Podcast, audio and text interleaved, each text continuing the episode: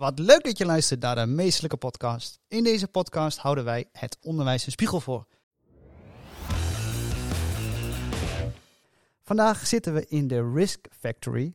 En uh, Herman, wij hebben al een hele workshop, escape room. Uh, wat hebben we allemaal gedaan?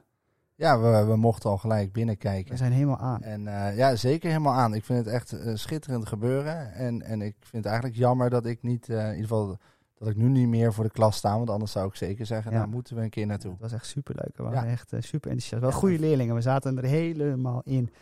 En uh, we zitten aan tafel met uh, twee mensen. eentje van de Risk Factory en een schrijver. De schrijver van Fuik. dat is Wilma. Welkom Wilma. Fijn dat je wilde aansluiten.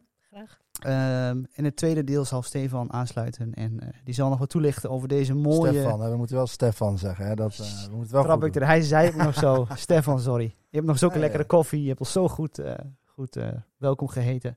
Um, Wilma, dank je wel dat wij ja, jou mogen interviewen. Dat jij iets wil vertellen over je ervaring. Want je hebt heel veel ervaring. En niet altijd goede ervaringen. Maar toch doe jij er iets goeds mee. Nou, we hebben wel zeker goede ervaringen. Nee, wat we hebben gedaan, dat is dat we uh, workshops hebben gegeven aan MBO-docenten. Ja. Over ondermijnende criminaliteit. Kijk. En de werking daarvan en wat wij daarin zien. Ja. En uh, daarmee zijn we eigenlijk gewoon vooral de ontmoeting aangegaan met docenten. Ja. Je zegt gelijk al de ondermijning van criminaliteit. Dat is een hele ja, grote mond vol. Hé, hey, wat doe jij? Wat, uh, wat is jouw status? Wat is je titel? vertel eens. Ja, ik ben op dit moment programmamanager bij het RIek. Dat is het ja. Regionaal Informatie- en Expertisecentrum. Ja. Uh, over de, met betrekking tot de aanpak van zware criminaliteit. Ja. En uh, daar ben ik coördinator van een heel programma van allerlei projecten. Die uh, de bedoeling hebben om eigenlijk ervoor te zorgen dat georganiseerde criminaliteit minder voet aan de grond krijgt. Okay. Maar de, um, daarnaast ben ik nog steeds ook werkzaam bij de politie. En daar ja. hebben we het nu vooral over. Omdat in de tijd dat ik nog bij de politie uh, fulltime zat, zeg maar niet gedetacheerd bij het RIek. Daarvoor ja. was het uh, zo dat ik uh, bij het ondermijningslab heb gezeten. Ja. En daar verzocht, zochten we eigenlijk naar allerlei nieuwe methoden om de boodschap van criminaliteit en dat te voorkomen, om die over te brengen. Ja. En een van die dingen daarvan was dat wij docenten hebben uh, meegenomen in de wereld zoals wij die zien. Als politie, gemeente, belastingdienst. Um, en daarin hebben, daar hebben we verteld uh, aan Ja. docenten wat, wat wij zien. En uh, gevraagd ook van, joh, is dat wat jullie herkennen? En dat waren hele leuke workshops. En herkennen ze wat jij ook ziet, wat jullie zien in, in de politiewereld? Ja, zeker. Zeker. En um, kijk, we, hebben, we kwamen natuurlijk niet alleen voor die ontmoeting. Het ging dan ook echt om, handelingsperspectief te geven. Wat Ja. moet je dan doen, wat moet je niet doen? Ja. Ehm, en uh, daarin uh, hebben we heel veel van elkaar ook kunnen leren. En aan elkaar mee kunnen geven. Uh, en in die zin, ja, dat, het was, uh, we doen het nog steeds. Uh, iets minder vaak. We zijn gestopt toen corona losbrak, helaas. Mhm. Um, maar dat heeft ons heel veel opgeleverd. En kun je daar kort wat over vertellen? Want je zegt, het heeft ons veel opgeleverd. Kijk, op mijn schoot heb ik al denk ik een heel mooi product. Uh, het boek Fuik, daar gaan we het zo over hebben. Maar wat heeft het, het onderwijs opgeleverd? Kun je dat kort aangeven? Um, wat wij heel vaak terug hebben gekregen van docenten is dat uh, men wel vermoedens heeft van hoe dat werkt en hoe jeugd erin verstrikt kan raken, maar dat niet echt kunnen pinpointen. Ze kunnen daar niet echt de vinger op leggen. En uh, door het gesprek met ons, met de workshop, mm -hmm. uh, hebben wij uh, ze wat meer awareness, zeg dat, wat meer bewustzijn kunnen geven over hoe dingen samenhangen. Dus bijvoorbeeld, docenten weten wel dat het raar is als een leerling twee telefoons in de klas mee Ja. heeft. Maar wat doet hij dan precies Mhm. met die twee of met die drie telefoons? Wij weten dat vanuit onze pra- Ja. praktijkervaring. Je hebt één telefoon voor je normale contacten, zoals jij en ik ook een telefoon hebben. Dan heb je er eentje voor je opdrachtgever en dan heb je er eentje voor je klanten. Nou, alleen al door dat uit te leggen, uh, namen we ze eigenlijk mee in de werking van criminaliteit, Ja. criminelen. En um, daardoor uh, ja, heb je gewoon kennisoverdracht. Dus dat zijn ook van die, van die punten waar je op moet letten. Dat je zegt, ja, dat zijn echt die, die rode vlaggen. Meerdere telefoons. Zijn er nog meer van dat soort rode vlaggen waar je op kunt letten? Ja, en uh, waar het gesprek dan ook vaak op terugkwam, is niet alleen die rode vlaggen. Want hè, dure kleding wordt vaak genoemd als een rode vlag. Uh, veel geld op zak hebben is een rode vlag. Uh, maar wij konden ze dan ook vertellen van ja, wacht even, dat zijn juist de beginnelingen. Uh, terwijl als je eenmaal verder bent, dan doe je er alle mogelijke moeite om juist onder de radar te blijven. Dus dan draag je geen dure kleding, heb je geen dure horloges. er zit een soort methode in van eigenlijk, in ieder geval jullie geven de docenten een methode mee van als iemand nou ja, heel veel geld heeft, dan willen ze dat graag laten zien. En dan, dan zit je dus aan de beginfase. En uh, geef je dan ook mee wat een docent kan doen bij iemand in de beginfase. En iemand die dan degene is die heel erg onder de radar probeert te blijven, maar waar je ook uh, je vermoedens uh, bij hebt. Want in principe heb je natuurlijk, nou ja, dat hebben we net gezien toen we hier rondliepen. Uh, heb je degene die eigenlijk uh, startende zijn. Hè? Dus die hè, beginnen met, wil jij een pakketje voor 100 euro uh, afleveren? En je hebt misschien wel leerlingen bij zitten die degene zijn die eigenlijk in het filmpje op een gegeven moment zeggen, nu ga je voor mij werken. dat is eigenlijk misschien wel het, nou daar ben je heel verder in gezakt, zeg maar. Is daar, is daar voor docenten dan ook iets wanneer je wat moet doen? Ja, dat proberen we wel. Um, het is natuurlijk niet zo dat wij uh, echt pedagogen zijn of, of, didactisch onderlegd in die zin. Hè? Dus het is ook uh, dat wat wij zien wat werkt. En dat geven we zeker mee. En um, daar is ook wetenschappelijk onderzoek over gedaan. Dus dat geven wij ook aan. Van hoe dat, hoe, hoe, ja, hoe subtiel het soms is. Hoe je kinderen dan kunt helpen. Door vooral echt goed contact te maken. En, um, maar dat vraagt dus wel dat je het eerst kunt herkennen en dan vervolgens um, met ze het gesprek aangaan. Ja, ja, want wat echt contact maken, wat, wat houdt dat precies in? Is het dan dat je een soort vertrouwensband hebt waardoor je het met elkaar over zulke onderwerpen kan hebben? Ja, dat, dat? is vooral dat inderdaad. En um, dus al eerst zien van waar, je, waar iemand vandaan komt, waar die staat, zeg maar, die herkenning. En dan vervolgens ook ernaast gaan staan eigenlijk, dus zonder het te veroordelen. En um, belangrijk daarin is dat wij, we zien dat, en dat zit ook heel erg hier in de Risk Factory. Kinderen worden op dit moment, wij volwassenen, laat ik het zo zeggen, volwassenen hebben heel erg de neiging om criminaliteit. Dan heb je daders, je hebt slachtoffers en je getuigen. Als je kijkt naar de jeugd, dan zie je dat het heel erg door elkaar loopt. Ze, kunnen tegelijkertijd getuigen zijn, uh, slachtoffer en dader. Of ze kunnen heel makkelijk van slachtoffer naar dader komen.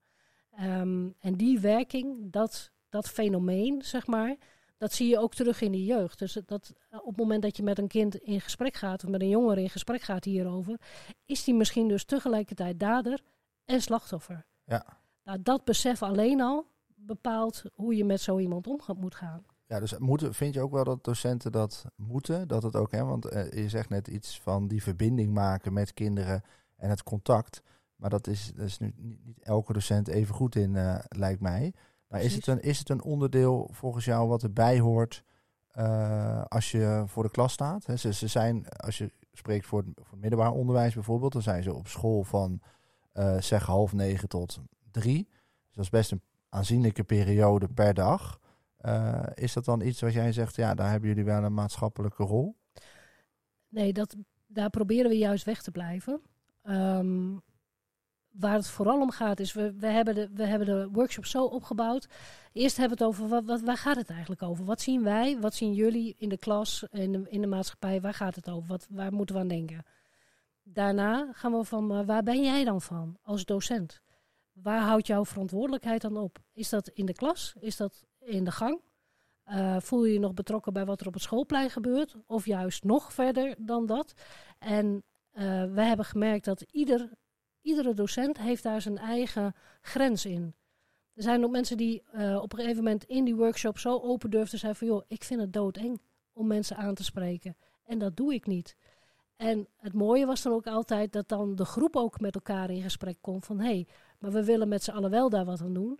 Dus wat kunnen wij dan doen om uh, het toch op te vangen. Ja, dus met eigenlijk met, met collega's, dat je zegt van we zorgen dat hier een klimaat heerst waar het oké is dat de ene docent dat wel durft of niet, maar dan weet diegene wat hij uh, wat hij zou moeten doen. Heb je het idee dat er dat het er uh, dat het extremer wordt, in ieder geval naar nou, extremer, dat het meer voorkomt die jeugdcriminaliteit of dat er dingen gebeuren of dat jongeren Ja, ergens het in grappige is dat wij, dat je ze hoort overal van het, eh, de registratie van criminaliteit eh, loopt terug. Hè? Dus, eh, dus in de cijfers heb je minder jeugdcriminaliteit. Terwijl experts ook eigenlijk wel heel goed weten dat we ondertussen een groot dark number hebben, omdat heel veel digitaal afspeelt. Ja. En daar hebben we met z'n allen als maatschappij gewoon echt ongelooflijk weinig zicht En op. wat, en wat speelt er dan digitaal? Nou, dat kan van alles zijn. En dat is ook het lastige. eh, en dat komt ook in de, in de workshops naar voren. Eh, wij zijn ook nog steeds heel erg gewend om te werken als in, in, in hokjes, als in delicten. Hè, wat, Mhm. wat iemand doet, eh, hoort bij witwassen, hoort bij diefstal, roof, vals geld omzetten. Terwijl we juist bij jeugd heel erg dat opportunistische zien. En ze kunnen vandaag bezig zijn met het verkopen van, van sexting. Eh, plaatjes, hè, Mhm. beelden. En ze kunnen dat morgen eh, zwart geld eh, of uh, gevalsgeld mee omzetten. En tegelijkertijd doen ze in drugs. Alles kan door elkaar lopen. En ehm, dus ook dat proberen we heel erg mee te geven. Van probeer daar wijder naar te kijken dan alleen maar heel sec naar één soort delict. Maar jullie hebben dus niet het idee dat het, omdat het dus minder, in ieder geval cijfermatig lijkt alsof het minder is, hebben jullie misschien wel het idee door het digitale en door die, nou ja, eigenlijk ge- eh, gemakkelijkheid om misschien wel sneller criminele dingen te doen, dat het Ja, we wel... weten dat het nu eh, veel harder en eh, dus harder in gewelddadiger is Ja. en sneller gaat. Ja. Waar je vroeger bijvoorbeeld ehm, een jongere had die eh, afgleed, die stal eerst eens wat uit de kleedkamer. En die ging daarna eens een woning inbraak. Dan moest, moest je alweer een stap, een stap verder. Ehm, dan eens een keer een roofoverval met geweld, nog wat verder. Dat, dan, en dat duurde lang in Ja. zo'n carrière. Ehm, daar hadden we met z'n allen, als politie en als instanties en zeker ook op het onderwijs, hadden we heel veel momenten om dat te pad grijpen, te ja. kunnen zien Ja. en in te grijpen en om te buigen. Wat we nu tegenwoordig zien is dat ze echt van 0 tot 100 gaan in eh, echt soms drie weken Hoe kan dat? door de digitalisering. Ja. Ehm, dat komt voor een deel ook door de cultuur, door de verheerlijking van eh, het, het geld, bezit, dat Ja. soort zaken. Ehm, en ja, dat zijn eigenlijk wel de twee belangrijkste dingen, denk ik. I- is dat dan, wat je nu in, in, in, het, in ieder geval in het Westen veel hoort, dat ze eh, in, dat, in die eh drillrap eh, cultuur eh, zitten, is dat, is dat alweer voorbij of is dat nog steeds ook iets waar ze ja, dat gevoelig is, voor zijn? Ja, dat is- dat grappig, want ehm, daar hebben we in de workshops besteden we ook aan dat soort dingen aandacht. En we proberen ook eigenlijk iedere keer los te komen van die feitelijke dingen die wij zien. Ja. Ehm, omdat het over zes weken iets heel anders Ja, kan zijn. Maar dat onderliggende fenomeen, die Ja. fuik, hè, daarom noemen we dat dan ook de, de, de fuik in de workshop en in het boek wat daaruit volgde. Ehm, dat is universeel. Dat het eigenlijk met iets heel onschuldigs begint. Dan loop je eigenlijk steeds verder in die val Ja. van criminaliteit. Ja, maar het is wel moeilijk, omdat ik, ik zeg expres van die drillrap, omdat eh, als je dan NOS kijkt, dan hebben ze het over die, die 300 messen die ze nu in een database hebben staan, om te controleren waar die messen vandaan komen. En dan laten ze ook tegelijkertijd weer een filmpje zien van drillrap. En dan zeggen ze erbij, dit is de reden waarom ze met messen lopen. Ja. En eh, als men dat denkt, dus een docent die kijkt journaal, of die heeft misschien jouw workshop niet gevolgd, maar die denkt dan, oh dat komt door drillrap. Ja, Dus precies. de- maar dat is helemaal niet per se het geval. Nee, dat hoeft helemaal niet. Nee. En kijk bijvoorbeeld alleen al eens, eh, eens in, in, in de klas eens het gesprek aan over waar ze naar kijken in, met YouTube. Welke eh, muziek ze leuk vinden en welke filmpjes daarbij horen. Je valt af en toe van de stoel als je ziet wat voor verheerlijking van, van geweld Ja. met die muziek gepaard gaat. En dan hebben we het nog niet eens over drillrap, dan hebben we het over normale rappers, zeg maar even, eh, met onwaarschijnlijk veel views. eh, waar geen enkele kijkwijzer naar, ooit naar heeft gekeken. Nee. En ehm, wat ook maar zo wordt gespuit en waar nou, kinderen van 12 helemaal goed op gaan. Terwijl dat eh, ja, een, een wereldbeeld met zich meebrengt en een, en een mindset. Ja. Die, ja, dit lijkt helemaal nergens meer op. Zijn we daardoor, want hè, we zijn nu hier bij, bij de Risk Factory en de kinderen gaan daar naartoe, gaan we het straks ook eh, meer over hebben. Maar daarin nou, gaan de kinderen fysiek dingen doen en de docenten zien ook wat er, eh, wat er dan speelt. Maar lopen we door die digitalisering, loopt eh, de volwassenen zeg maar niet gewoon standaard altijd achter. Ja. Is, het, is het niet heel moeilijk om dan, want we kunnen natuurlijk wel steeds proberen op de hoogte te zijn van wat er speelt, maar dan, dan is er alweer iets nieuws. Ja, precies. En ik- daarom denk ik dat er een taak ligt van, van volwassenen, of dat nou docenten zijn of ouders, politiemensen, eh, om die kinderen mee te nemen in die wereld daarachter. Dus die fuikwerking en het, het, de verleiding en eh, dat het niet allemaal goud is wat er blinkt, maar ehm, dat, dat gegeven, zeg maar, dat is universeel. Dat, is, dat was vroeger al zo, dat is nu nog steeds zo. En volgens mij moeten we het daar vooral over hebben met kinderen. Ja, zit er nog een verschil tussen jongens en meisjes? Nee, niet echt. Ehm, nou ja, natuurlijk wel in de mate waarom, waarom ze, ze wellicht eh, gevoelig zouden kunnen zijn voor groepsdruk. Dat, de, de mechanismen daarachter zijn net anders. Ehm, wat ik wel trouwens heel vaak zie, is dat kinderen eh, het idee hebben dat meisjes er meer mee wegkomen. En ik denk dat dat ook zo is. Hè? Dat wij ook nog niet zelf zo kijken naar kinderen, naar meiden met name. Van dat zouden ook best wel eens daders kunnen zijn. Niet alleen slachtoffers, maar ook daders. Ja. En wat je vaak hoort is dat ook meiden eh, wordt meegegeven van joh, doe jij maar iets. Want jij bent een meisje, ze letten niet op je.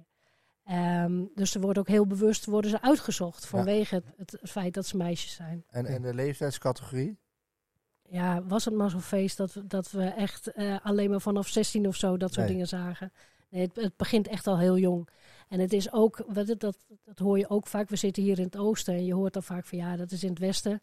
Ja, jammer dan. Het is Ja. in het noorden, in het zuiden, in het oosten, overal. Ja. En je geeft heel duidelijk aan in je boek heb je het ook over, weet je, eh, je doet een beroep op de volwassenen, op de onderwijsprofessionals. En je gaf net aan, er heerst soms angst. Hoe reëel is die angst? Is dat een terechte angst die er is? Of is dat een vooroordeel? Kun je daar iets over vertellen? Ehm, ik denk dat als je goed in contact staat met jeugd, eh, dan denk ik dat het, dat, dat gevaar Ja. minder reëel is dan wij denken. Eh, je ziet het ook in brede zin in de maatschappij terug. Wij denken dat er echt overal moord en doodslag eh, heerst en dat is helemaal niet zo. Dus het, het, ook dat wordt heel erg gehyped Ja. in media. Hè. Dat, dat soort verhalen gaat makkelijk de ronde. En eh, in de praktijk valt het heel erg mee als je kijkt naar cijfers. Want hoe eh, groot is de rol van de beeldvorming dan? Of van de onterechte beeldvorming die misschien speelt? Nou, heel groot. Heel groot. Ja. Ja, en dat- daarom is het dus van belang dat we met elkaar ook die beelden naast elkaar Ja. blijven leggen. Eh, zoals wat wij hebben gedaan met, met de politie Ja. samen. Zo van, joh, wat zien jullie, wat zien wij? En hoe vertaalt zich Ja. dat naar onze beide professionele praktijken? Ja, en we horen, we horen hier, eh, eh, daar gaan we het ook straks met Stefan over hebben, maar die, die gaf aan hè, dat de dingen die hier gedaan worden in de factory gericht op wetenschappelijk bewijs, wat helpt met, met eh, de kinderen. Ehm, er is ook wetenschappelijk bewijs over dat kinderen uit een bepaald milieu ergens eerder in verzanden. We hebben het dan over, nou ja, een, Is dat zo? ja, dus dat, nou ja, in ieder geval dat als, als jij zeg maar ehm, eh, in armoede opgroeit in een bepaalde probleemwijk, eh, ik- daar zijn twee dingen naast elkaar. De ene gaf aan dat eh, het niet uitmaakt eh, wat je culturele achtergrond is, wat je religie is of wat dan ook. Als jij in die wijk opgroeit, heb je net zoveel kans om in de criminaliteit te verzanden. Eh, en wat, eh, wat een ander onderzoek gaf aan, als je in armoede leeft, dat je eerder geneigd bent om bepaalde keuzes te maken die niet altijd even verstandig zijn, omdat je op korte termijn zit. Maar ook omdat je heel erg je ondergeschikt voelt ten opzichte van de ander. Waardoor je, men ook altijd ziet als men in langere tijd in armoede verzandt, men ook eerder eh, overgaat tot eh, geweld. En dat is meer dan, en dan eh, gekoppeld aan die machteloosheid. depressiviteit enzovoort. Ja. Dus daarin, dat is natuurlijk meer een politiek ding. Is het niet zo dat we dat als we op school zijn en docent zijn, dat we dan vooral proberen dingen op te lossen die eigenlijk heel ergens anders ten grondslag liggen? Ja, dat klopt. Eh, het, het is een breder maatschappelijk fenomeen, wat we met z'n allen dus inderdaad ook op zouden moeten pakken. Maar ook door het onderwijs. Ja. Kijk, eh, jeugd is nou eenmaal heel veel op school, als het goed is. En eh, daar hebben we dus de gelegenheid om ze om te vormen. Maar je hebt absoluut gelijk. Het is een veel breder probleem dan alleen. Ja, want, want kan ik als. Nederlands docent wel dat omvormen? Ja, dat kun je. Oké. En ook dat heeft onderzoek aangetoond. Even, ik zal je terug meenemen naar je eigen jeugd. Ehm, je hebt voor keuzes gestaan. Van welke kant ga ik op in, met mijn leven? Wat, wat, ga ik, wat ga ik doen? Is er een docent die voor jou een verschil heeft gemaakt? Is er een docent geweest die heeft gezegd van... joh, Herman, ik zie in jou dit of dat. Kijk daar eens naar. Ja, ik heb die vraag vaker gehad, maar ik kon En je niemand had bedenken. iemand? Nee. Of een buurvrouw of iemand die jou ergens in een bepaalde richting heeft geduwd. Nee, ik, nee ja, ik ben wel daarin een soort van mijn ouders dankbaar. Hoe die, eh, eh, in ieder geval, dat je daarmee kon communiceren, zeg maar, en je Ja. meenamen.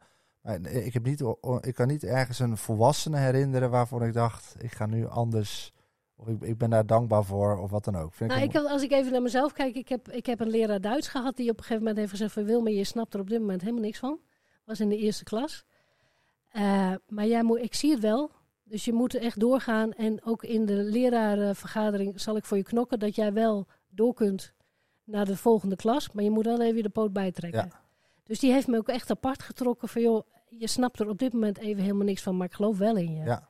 Ja, andersom, andersom wel hoor. Ik heb natuurlijk als docent wel kinderen gehad die heel veel jaren later nog een berichtjes gingen sturen. Precies. Dus dat, dat, Ja. dat je wel een bepaalde invloed hebt kunnen uitoefenen waar je denkt, oh dat had ik niet eens door. Ja, Dat, ik, dat, dat, die, dat het zoveel betekende voor diegene. precies. Maar dat geef je eigenlijk aan, Wilma. Dat heeft voor mij zoveel gedaan. Dat zou je met die jongeren ook moeten doen. Er Ja. moet zo iemand in het leven zijn van die mensen. Ja, en dat, dat heeft ook onderzoek aangetoond. Shaila Adjimbaks heeft daar eh, een, een, eh, een promotieonderzoek op gedaan. Er ehm, zijn mensen die heten dan resistors. Dus mensen die, eh, de jongeren die eh, weerstand hebben weten te bieden aan hun criminele omgeving, criminele eh, milieu. En die hebben ze gevraagd van, joh, wat, wat heeft jou geholpen? En ehm, een van de bronnen van, van, ehm, van weerstand, zeg maar even, van het ontwikkelen daarvan, dat was eh, de, de mensen om je heen in het onderwijs. Eh, maar soms ook een buurvrouw die zei van, joh, ga, ga niet die kant op. Ehm, maar het waren altijd volwassenen die, Ja. die zeiden van, joh, ik zie jou om wie je, om je, wie je echt bent. Ja. En eh, ik ga je helpen om daar niet te komen. Ja, Of- precies. Maar dat is niemand is ook helemaal fout. Hè. Dat is vaak ook wa- de- Ja, wat, wat, wa- eh, het risico wat je neemt als iemand iets heel gewelddadigs doet of wat dan ook. Dat het zomaar kan zijn. Hè. Ik heb leerlingen gehad die echt hele foute dingen in het weekend deden. Maar hoe ze met mij communiceerden, zei ze ja, maar dat zou ik u nooit aandoen. Dus dan gaf ze eigenlijk heel mooi aan van ja, daar, met u heb ik een relatie en met diegene die ik op straat zag niet. Dus daar heb ik dan geen moeite mee. En volgens mij is dat de kern van die kansenongelijkheid waar je het net over had. Van, voel jij dat jij een relatie hebt met je omgeving? Ja. Dat jij iets te verliezen hebt in de maatschappij? En op het moment dat je dat niet voelt en je hebt het idee van ja, wij moeten voor onszelf zorgen. Want eh, wij komen zo meteen toch nergens terecht. Hè? Wij, wij zijn die dubbeltjes en we worden nooit kwartjes. Ja. Ja, dan, dan lopen we inderdaad met z'n allen als maatschappij de- het risico dat, eh, dat die kinderen inderdaad Ja. steeds verder afglijden. En, En- ik geef ze nog gelijk eigenlijk ook. Ik snap het. En zijn wij mensen dan in staat om die, zoals je aangeeft, die geld-mindfuck te doorbreken? Want zo schrijf je in je boek dat geld, dat is die mindfuck. Ja. Kunnen wij dat doorbreken? Nou, ik weet het niet, maar ik wil het wel geloven. Want het alternatief is niet vrij. Want zijn er succesverhalen? Als we het niet proberen, Ja. ja, er zijn absoluut Dan zou je eens eentje kunnen schetsen dat je iemand hebt misschien van dichtbij meegemaakt die zegt, nou dat is zo'n verhaal waarbij iemand geraakt is door een persoon die Ja, die, die zijn er zeker. Ja. Eh, en er zijn er talloze van. Ehm, en eh, kijk, daarom heb ik ook zelf ook altijd zo'n hekel aan het woord crimineel. Omdat, weet je, er wordt al gezegd, de crimineel, jij bent crimineel. Maar er Ja. zijn heel veel jongeren die in die situatie hebben gezeten en die inderdaad een switch hebben weten te maken. En die zijn niet crimineel. Hè? Wat jij net ook aangaf, eh, dat, er, eh, dat ze in het weekend dingen doen en eh, met jou hele andere gesprekken kunnen voeren de crimineel, en zeker als jeugd, dat bestaat niet. Nee. En er zijn dus inderdaad ook heel veel voorbeelden van kinderen die, of van volwassenen, jongvolwassenen, die die switch hebben gemaakt. En die, maar dat is, die, de, die dus ook wel weer eruit zijn gekomen. Daar hebben ze wel, hebben ze wel ons bij nodig. Ja. Ja, de microfoon is, eh, is doorgeschoven, dus eh, Stefan, ik zei net Stefan, bij deze mijn excuses. Excuus aanvaard. Ehm, fijn dat jij eh, ook iets wil vertellen. Voor mij had je nog een leuke anekdote waar je eigenlijk even mee wilt aftrappen, toch? Want je hebt Wilma in levende lijven gezien. De ervaring, hoe goed ze is. nou, ik hoorde net eh, Wilma praten over haar eh, workshop. En ik heb er eentje bijgewoond. En wat heel, nou, ik kan niet zeggen tof, maar wat wel heel opvallend was, dat ik naast een mevrouw zat, een lerares. Daar was de workshop voor bedoeld. En Wilma deed een soort van spel van kost nu dit en van kost Ja. nu dat. En die mevrouw die, ja, die werd steeds kleiner. Want Wilma liet een pet zien van 300 euro en een jas van 1200. En die mevrouw die herkende al die spullen. Alleen haar zoon had die ook. En daar schrok ze van, omdat ze gescheiden was, alleenstaand. En haar zoon werkte bij de, oh, ja, bij de appie. Dat Ja, is natuurlijk wel de- bijzonder, hè? Dus waar haalt hij dat geld dan vandaan? Dus de workshop was voor de leerkrachten. Maar uiteindelijk werd die voor haar heel, ja, heel dichtbij, kwam die. En wat gebeurde er? Weet je, wat zag jij gebeuren? Werd daarop ingehaakt? Eh vertelde Nee, zij... werd heel klein, want uiteindelijk schaamde ze zich ook. Ja, Hè? Want het is dat ik haar aansprak van, joh, want ik zag gewoon eh, aan haar gezicht van, wow, Ja. dat is niet goed. Nee, en, en wat zou, want eh, zij heeft dat dan meegekregen. Is zij daar later dan nog, op teruggekomen? Is dat dan een workshop die, eh, die zegt, nou die volg je en je hoopt maar gewoon dat men er wat mee gaat doen? Of heeft Nou. zij ook, want zij heeft het natuurlijk benoemd, in ieder geval bij jou of misschien ook bij anderen. eh, heeft ze daarin ook bepaalde tools meegekregen om te zeggen, nou ik zou dit gesprek maar met je zoon aangaan? Nou, wel in die workshop zelf natuurlijk. Ja. Want uiteindelijk wat je met leerlingen kunt doen, kun je natuurlijk ook dichterbij halen. Uiteindelijk ken ik die vrouw verder niet. Ik heb haar gewoon eh daar. Ik was op uitnodiging van, eh, van Wilma. Dus, maar ik vond dat echt een opvallend iets. Ja, zeker. Ik denk dat het ook heel moeilijk is als, eh, om eigenlijk wat we net zeiden bij het digitale, om altijd maar bij te zijn. Dat is natuurlijk ook met, met kleding. Als je zo'n petje ziet van, van, van Gucci of wat dan ook, waar je misschien een moeder denkt, nou ik vind hem überhaupt lelijk, misschien heb je die wel bij de zeeman gekocht, want hij ziet er niet uit, is het voor een jongere... eh, ja, en als je een jas hebt met een gans erop of zo, dan vinden ze het ook helemaal geweldig. Maar als, als ouder is dat best moeilijk om te weten hoe dat... eh, Mijn zoon is 12 en we, hebben, we gaan het straks hebben over die escape room. Hij heeft die plaatjes uitgezocht. Hij weet precies wat het kost. Hey, Is dat ook een, hè, als, even als doorgaans vader, een angst voor jou? Die zeggen, weet je, mijn zoon, ik wil voorkomen dat mijn zoon in die eh, Ja. wereld terechtkomt. Heel erg. Ja. Omdat ik ook uiteindelijk ken natuurlijk de verhalen. Hè. We doen natuurlijk dit werk. Je krijgt veel mee. Verplaatst ook wel naar thuis. Ja, ik vind het wel een zorg. Ja. Ook als kinderen eh, gevoelig zijn voor groepsdruk. En dan gaat het om mijn eigen zoon. Hij heeft natuurlijk ook vriendjes waar je ook ziet van... Ja. hey, het zou toch heel naar zijn eh, dat hij in handen valt. Ja. En uiteindelijk de kans best reëel. Hè? Hè, Als je gewoon naar cijfers kijkt, 1 op de, nou, 1 op de 8, dus 12% van de kinderen wordt gewoon gevraagd. Zeg niet dat ze iets doen, maar wordt al gevraagd door een vreemde om iets te doen. Maar ook hier in het oosten van het land. Dus niet de cijfers uit het westen, dat zijn de dat cijfers ook uit het oosten. Oké. En, en zie jij daarin, ehm, eh, want we hadden het net al even kort over, ook eh, eh, buiten de microfoon om. Ehm, als ouder, denk je dat je als ouder eh, het 100% kan voorkomen als je de perfecte ouder uithangt, zeg maar? En want je, eigenlijk heb je Wil maar die schudt heel hard de hoofd. Dus Ja, maar die schudt heel hard de net hoofd. eh, al zelf antwoord, omdat je zei Ik van had- ik ben er bang voor. Ik had heel erg gehoopt dat Wilma ja zou zeggen, want dan kon ik haar vragen. Maar hoe dan? doen? Hoe dan? Ja. Maar, Nee. maar, maar misschien wel een mooi berichtje. De Risk Factory is natuurlijk wel iets om preventief Ja. ingezet te worden, toch? Ja. Want kun, kun je kort even de onderliggende gedachten, hoe zijn jullie hier tot gekomen? En, en dat waar we nu zijn, inmiddels PO en VO de, eh, daaraan gebruik kunnen maken. Maar het is, het is begonnen als Ja. PO, hè? Het is al begonnen als PO, dat is in 2013 geweest. Ik ben ook van de brandweer. Ja. Eh, en in 2013 gingen we regionaliseren als eh, brandweer. Dus de 14 Twentse gemeenten kwamen onder één eh, korps te hangen. Waarbij ook gesteld is, we gaan preventie gaan we anders invullen. En dat houdt niet in dat we brandveiligheid loslaten, maar we gaan ook een andere tak pakken, we pakken het wat breder. En een mooi voorbeeld daarvan stond in Edinburgh. Daar zijn we geweest. En eh, daar hadden ze een veiligheidseducatiecentrum in het kader van veiligheid. Dus niet meer in blokjes, maar gewoon totaal. Werk nou even aan dat eh, veiligheidsbewustzijn overal. Ja. Dus dat concept hebben we hier naartoe gehaald. Eh, dat hebben we wetenschappelijk laten onderzoeken. Ja. Dus we weten ook dat het werkt. Hè, kinderen komen bij ons of komen niet bij ons 300% eh, meer kennis. Ze willen ook nog iets doen met wat ze hier geleerd hebben. En er is een lange termijn effect. Ja. En eh, daarbij is er een aanbeveling eh, van het wetenschappelijk onderzoek. Als je echt het verschil wilt maken, moet je de kinderen pakken in twee fasen. Mhm. Daar zijn we nu. Ja, mooi. Want eigenlijk hadden we het natuurlijk net met Wilma over dat boek eh Fuik.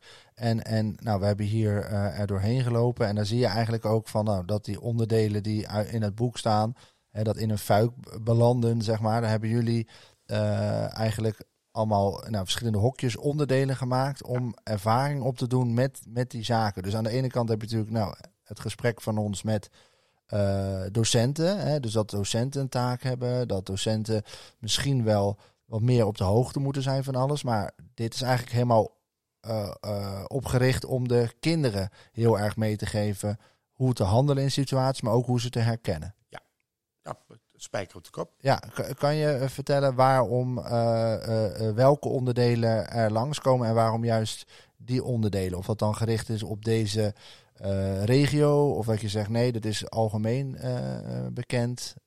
Ja, dat kan ik. Voor groep 8, hè, voor het primair onderwijs, eh, we kijken eigenlijk naar eh kerndoelen basisonderwijs. We zijn al heel lang niet geüpgrade, hè, dus die wereld is wel iets veranderd. En wij kijken nu naar de 21 eeuwse vaardigheden. Eh, dus kinderen leren door nieuwsgierig te maken. Ehm, daarnaast hebben we een integraal veiligheidsplan van de regio Twente. Daar staat duidelijk in wat nou de risico's zijn binnen deze regio.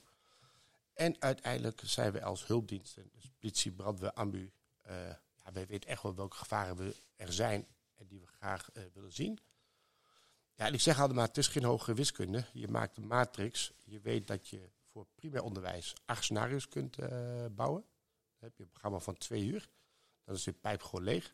En dat is gewoon de top 8. Mhm. Die hebben we, die hebben we daar. Mhm. En voor het voortgezet onderwijs hebben we ander onderzoek gedaan. Waarbij we weten, de kinderen willen meer verdieping. Eh, ze willen anders benaderd worden. Dus we hebben heel veel onderzoek gedaan. Daar kom je op vier scenario's. Eentje is sexting. Eentje is brandveiligheid. Daarbij zit ook in hoe ga je om met hulpverleners. Een groepsdruk. Misschien wel een rode draad door de, bij de jeugd. En de andere nou, is eigenlijk de verwezenlijking van eh, het boek Fuik. Dat gaat over tegengaven jong aanwas. Daarbij gaat op de uitkijk staan. eh jeugd ronsel de jeugd. Geldezelschap en drugscourier. Een beetje top 4 voor deze doelgroep. ja, en heb je, heb je al gezien dat er leerlingen bij zitten die dan door het eh, mee te maken misschien wel zeggen, nou ja, eh, ik heb zelf al zoiets meegemaakt. Of wat je gehoord hebt van nog, leerlingen ja. die... eh, Sterker nog, zeggen ze gewoon. Ja, ze zijn heel open daarin. Nou, sommigen zijn open. Daar ik zeg wel gewoon, dus niet helemaal gewoon. Ehm, we zien het wel. En met name kan ik zeggen, ik zie het wel, maar de leerkrachten lopen ook mee. En die kennen natuurlijk ook het pappenheimers. En die zien ook vaak aan de gezichtsuitdrukking van de leerlingen wel van... hé, hey, je moet ik na de tijd even met die en die in gesprek. ja, zie je, ook, zie je ook docenten trouwens die zeggen van, oh, wist ik niet. Ik Ja. zie, nou, ik herken heel erg het beeld wat ik had bij Wilma bij, de, eh, bij haar workshop. Dat mensen echt af en toe even ja, de ogen open gaan van, joh, zit dat zo? Die zien we hier ook. Ja, zeker. Ja, en, en eh, is het een. ehm, nou ja, het gaat dus over de, de risico's die kinderen lopen. en in ieder geval met veiligheid, geweld enzovoorts te maken hebben. Is het iets wat, waar we het net even met Wilma ook over hadden, iets wat wel verandert, zeg maar? Heb je het gevoel van, oké, we moeten over een half jaar, moet hij er weer anders uitzien dan, dan nu? Qua scenario's weet ik zo niet. Qua thema zal het wel ongeveer hetzelfde blijven. Ik denk wel dat het inhoudelijke gesprek over eh, praktijkvoorbeelden bijvoorbeeld, ja, die worden iets anders. Ja, dus dat eh, omdat de samenleving verandert, wat de criminaliteit verandert. En dan ga je kijken van een ander voorbeeld eh, erbij. En, Ja. en het digitale, zie je dat ook, ook hier heel erg terug? Dat men misschien wel als docent zegt van nou, ik wist niet dat dat allemaal kon. En dat ook kinderen zeiden van ik wist dat ook niet. Ben je niet, denk je niet van hé, hey, dat, dat ook heel erg kinderen bij zijn. Ik herken dit helemaal niet. Dit is voor mij eigenlijk eh, ja, Ik zie wel heel erg het verschil in, ja, het is niet meteen kennisniveau, maar eh, als je nu al ziet wat een, de wereld voor eh, iemand in zeg maar, de 14-jarige, eh, dan is het soms voor een 16, 17-jarige al moeilijk om te begrijpen hoe die wereld nu werkt. Geef me aan hoe snel dat, Ja. eh, Ja. hoe snel dat gaat. En ik ben even benieuwd, hè, weet je, je noemde net één op de acht jongeren die wordt wel eens geronseld. Of ze willen Of die rons gevraagd. of gevraagd. Ja. Ehm, zijn er ook, ja, er zijn onderzoeken gedaan, we hebben het in het begin over gehad. Ehm, kun je daar wat over vertellen? Wat zijn de uitkomsten? Ehm, wat heeft het opgeleverd? wat hoop je nog? eh, Nou, voor deze, wat, voor de risk factor zelf bedoel je? Ja. Ja, eh, we hebben een wetenschappelijk onderzoek liggen. ja. Eh, wij gaan nu, nou, as we speak, we zijn in onderhandeling met, om weer zo'n onderzoek te starten. Ja. Beetje geluk volgende week afgerond. En dat houdt in dat wij volgend jaar maart weten wat is nou het leereffect van deze. Ja. Eh, al dan niet gecombineerd met het eh primair onderwijs. Eh, ja, en dan denk ik, eh, eh, joh, dan moet je hier gewoon mee doorgaan. Als je al weet als Ja. kinderen hier komen, 300 procent. nou, weet je, waarom vraag ik het? klas? Want het is natuurlijk heel vaak, het is leuk en het is een leuk uitje. ehm, alleen dit gaat verder, denk ik, dan een leuk uitje. Nou, het mag ook best leuk zijn, hè? Zeker, het mag tweeledig zijn Ja. natuurlijk, maar ik bedoel, het moet meer dan alleen leuk zijn. Ja, nou, anders krijg je het ook niet van de grond. Nee. Eh, kijk, eh, het is ook een forse investering. Ja. Eh, Ja, hoe, hoe wordt dit betaald? Waar, waar, waar, waar komt het geld vandaan? Nou, onze eerste eh ambassadeur zou ik bijna zeggen is Driek. Ja. En daarnaast heb ik heb hier net dus, ik zou bijna zeggen de Ja, sponsorband. maar de luisteraars zijn er niet bij. Hè? Die Nee. hebben het sponsorbord niet gezien. Ja. Nee, ja. Nee, maar dat zijn natuurlijk de publieke partners. Hè, dus eigen veiligheidsregio, de Ja. brandweer, politie. Maar wat heel tof is, ook een Unive, maar ook een Rabobank. Oké. Die zijn hier ook bij aangehaakt. Dus, dus het maatschappelijk belang wordt gezien door meerdere Ja, organisaties. zeker. Zowel commercieel Ja, en, en als wat natuurlijk geweldig is, denk ik, is dat we, ja, misschien zonder dat we het doorhebben vanzelf, eerst het gesprek hebben gehad over eh, hoe docenten, volwassenen enzovoorts eh, eh, eigenlijk aan de slag kunnen en wat voor belangrijke taken ze hebben. Eigenlijk een hele simpele taak is door het contact maken met. Dus en aan de andere kant hebben we als volwassenen ook de taak om de kinderen mee te nemen en wat er allemaal is en eh, hoe dat er dan uitziet. En dat, dat komt eigenlijk heel mooi samen. Want hè, je, je krijgt als docent daar hierin tools mee van ook het boek Vuik en van Wilma. En tegelijkertijd eh, heeft Stefan het, nou ja, iets hier zo tofs neergezet. Waarin en de docent eh, misschien wel even aangezet wordt. Maar ook vooral belangrijk dat die kinderen even aangezet worden. En, en, en zien van, nou ja, dit is er allemaal. Nee, en, dit heb ik meegemaakt en ik kan het gesprek voeren. Ik, ik zou bijna zeggen van, moet het geen eh, verplicht onderdeel zijn van, eh, van, van onderwijs, van school? Ik zou, eh, ja, volmondig ja. Ja, Hè, In december is hier eh, de minister van Justitie en Veiligheid geweest. Die gaf ook aan, eigenlijk moet hier wel de minister van Onderwijs zijn. Ja, die gaan we binnenkort ook benaderen. Ja. Eh, uiteindelijk zijn we nu met drie ritsvestigingen in eh, Nederland. Dus een- eentje Limburg-Noord, eentje Midden-West-Brabant. Er staan er nog een paar op de rol. Eh, ja, uiteindelijk zijn we ergens een satelliet. Het kan niet anders als je evidence-based werkt en je weet gewoon dat iets zijn vruchten afwerpt. Ja. Ja. Ja.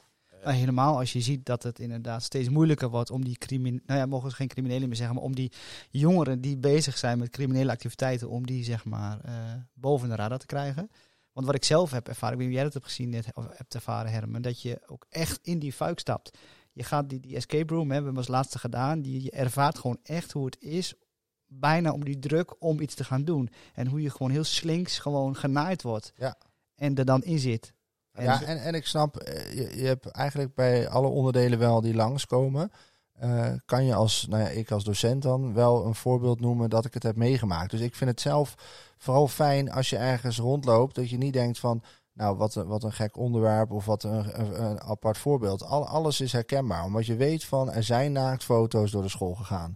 Eh, we hebben leerlingen gehad die met bepaalde kleding rondliepen, terwijl je wist dat de ouders een uitkering hadden. Je hebt Ja. leerlingen gehad die elkaar afpersen. Je hebt, je hebt eh, eh, voorbeelden van dat men dus, nou ja, in Rotterdam dan waar ik werkte, was, zie je dat, ze- dat ze die containers openmaken en dingen ophalen. En juist in die leeftijdscategorie gebruikt worden, omdat dan de, het handiger is als je straf krijgt van de politie. Als je dan eh, 13, 14 bent, is dat gewoon handig. Dus dan worden ze ook voor ingezet. Dus ik vind het echt heel mooi om hier te zien dat al die onderdelen langskomen die, waar ik bij elk onderdeel denk, hé, hey, ja, daar kan ik wel een voorbeeld van noemen. Het klopt ook precies bij de opzet die we hebben. Wij doen veel met gedragswetenschappen. Het gaat allemaal om perceptie, dat is de eerste. Je moet beeld hebben bij het gevaar en dat moet je zelf kunnen overkomen. Je moet heel dicht bij huis zijn. En daarnaast moet je handelingsperspectieven kunnen bieden. Ja, precies. Kun je die uitvoeren en snap je ook hoe het werkt. Ja. En dat zijn de... Ja, en daarin denk ik nog wel dat er, eh, misschien ook wel om het af te sluiten, wat, wat, wat mag jij zo doen, maar voor, voor mij persoonlijk, is dat, nou, het heet dan hier leren door te beleven. Eh, het is weer een voorbeeld van, nou ja, ik hoop dat het ook straks nog een keer uit het onderzoek komt, dat als je leerlingen laat beleven, dat ze het ook veel beter onthouden. En dat kan in dit geval zoiets als negatief zijn als criminaliteit, maar het kan natuurlijk ook in hele andere onderdelen zijn. Hè. Onze podcast is juist ook gericht op de samenleving naar binnen halen. Dit is dan een eigenlijk wel een negatieve kant van de samenleving naar binnen halen. Maar wel eigenlijk door straks kunnen jullie misschien wel bewijzen. Door dat te doen op deze manier, eh, zorgen we dat de kinderen er anders in zitten. Zorgen we dat de kinderen misschien wel heel mooi Ja. eh, op een mooiere plek belanden dan dat als ze door zouden gaan in die fuik. Dus ja, ik zie hier ook wel een taak in door als men ziet dit werkt, op deze manier nadenken, kan het ook wel eens doorgeschoven worden naar andere onderdelen van, eh, van onderwijs. Ik vraag me wel af of dit bij de onderwijsprofessionals zo wordt gevoeld. Dat wij daarin een taak hebben en dat is zoiets van het is iets van in het Westen. Of- nou, of- ja, ik denk wel dat ik denk dat de meeste docenten gewoon willen dat het goed gaat met de kinderen. Dus als zij daarin kunnen zeggen, nou, ik ga hier. Eh, soms is het ook voor een docent makkelijk om dan te zeggen, ik ga gewoon meedoen met waar we naartoe gaan, naar zo'n Whisk Factory. Hè. Het hoeft niet altijd bij de docent zelf te liggen. Nee. Je mag het ook door anderen laten uitzoeken. Je kan als docent ook niet alles weten. Dus dan kan je natuurlijk gewoon naar zo'n workshop gaan van Wilma. Of je kan ook zeggen, ik ga een keer met mijn kinderen daar naartoe. Of ik ga kijken wat er bij ons in de gemeente wordt georganiseerd. Je hoeft het als docent niet alles te weten. nee, nee, maar je moet eens. natuurlijk wel voor jezelf denken, ik heb wel die taak. En ik heb er niet voor niks een, eh, eh, voor werk in het onderwijs gekozen. Lijkt me wel dat je ook vooral wil dat het hele leuke, eh, gezonde volwassenen worden. Je hebt een maatschappelijke plicht. Ja. En dat hoort er wel bij. Ik ben het heel met je eens. Maar ik vraag me af, en dat is wat ik bedoel, of het die zo wordt gevoeld door iedereen. En misschien, weet je, ik heb minder ervaring in het voortgezet onderwijs. Wel het mbo. Ik, ik, dat het daar meer wordt eh, gevoeld en wordt gedaan. Ik zie dat er wordt geswitcht van de microfoon. Dus ik denk dat er nog een uitsmijter komt Ja, van... Dus die- daar geven Wilma gewoon het, eh, het laatste woord. ik, ik stop Ja, nee, we hebben, we hebben eh, in één jaar tijd, eh, vlak voor corona, hebben we 750 docenten in de klas gehad. Ja. En in al die tijd, al die gesprekken, eh, hebben we één docent gehad die zei: ja, hier wordt er nu weer wat bij ons over de schutting geflikkerd. En eh, dan moeten wij het weer oplossen, zeker. En eh, die man die zat achter in de groep. Oude docent. arm- een een oudere, oude- oude vent. ja. Hij zat met zijn armen over elkaar. En nou, je, je, hebt helemaal een beeld bij ja. hoe dat was. En wij deden alsof we hem niet goed konden verstaan. Want het was zo'n beetje zo'n gesprek waarbij iedereen wat zei. En, zo, en dus hij poneerde dit. En toen zei joh, ik heb je niet kunnen verstaan. Het nog één keertje zeggen? Dus iedereen werd stil en hij herhaalde wat hij zei. Jullie gooien van alles bij ons over de schutting en dan mogen wij het weer oplossen. Nou, wij hoefden daarna echt helemaal niks te doen als inleiders van de workshop. We zijn gewoon teruggetreden. En eh, zij vielen ehm, als docenten onderling, vielen ze eigenlijk ons bij. Zo van, joh, natuurlijk is dit eh, een taak van ons met z'n allen Ja. Ja. als volwassenen.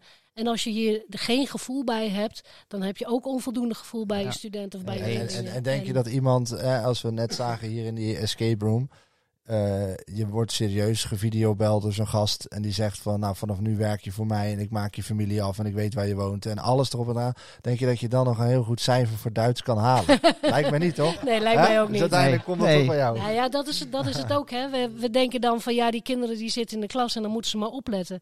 Maar we hebben echt onvoldoende weet van hoeveel eh, shit ze dan Precies. ook echt in hun rugzak hebben om op te lossen. Ja.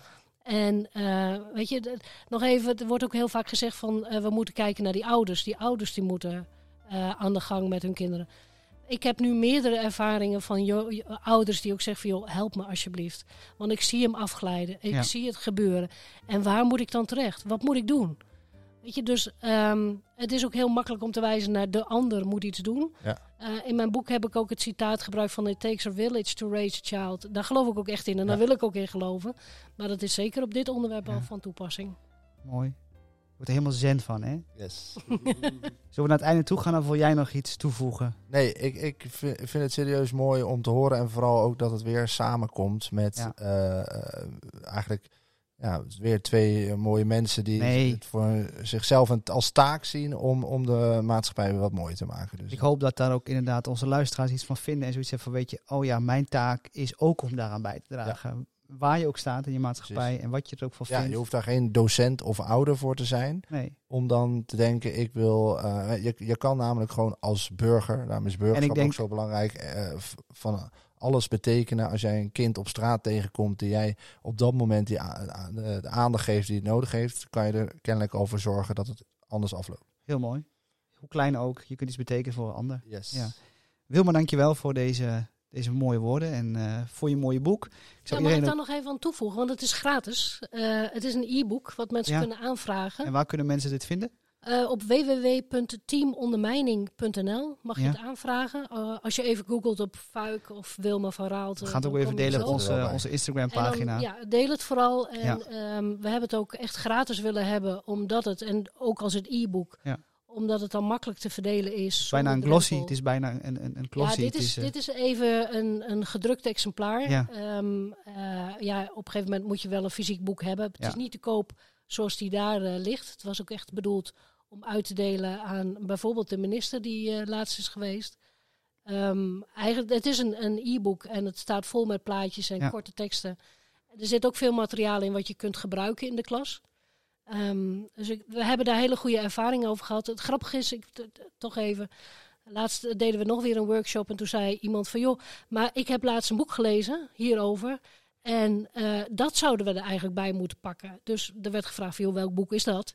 Jawel, het was fuik. dat was Fuik. Ja,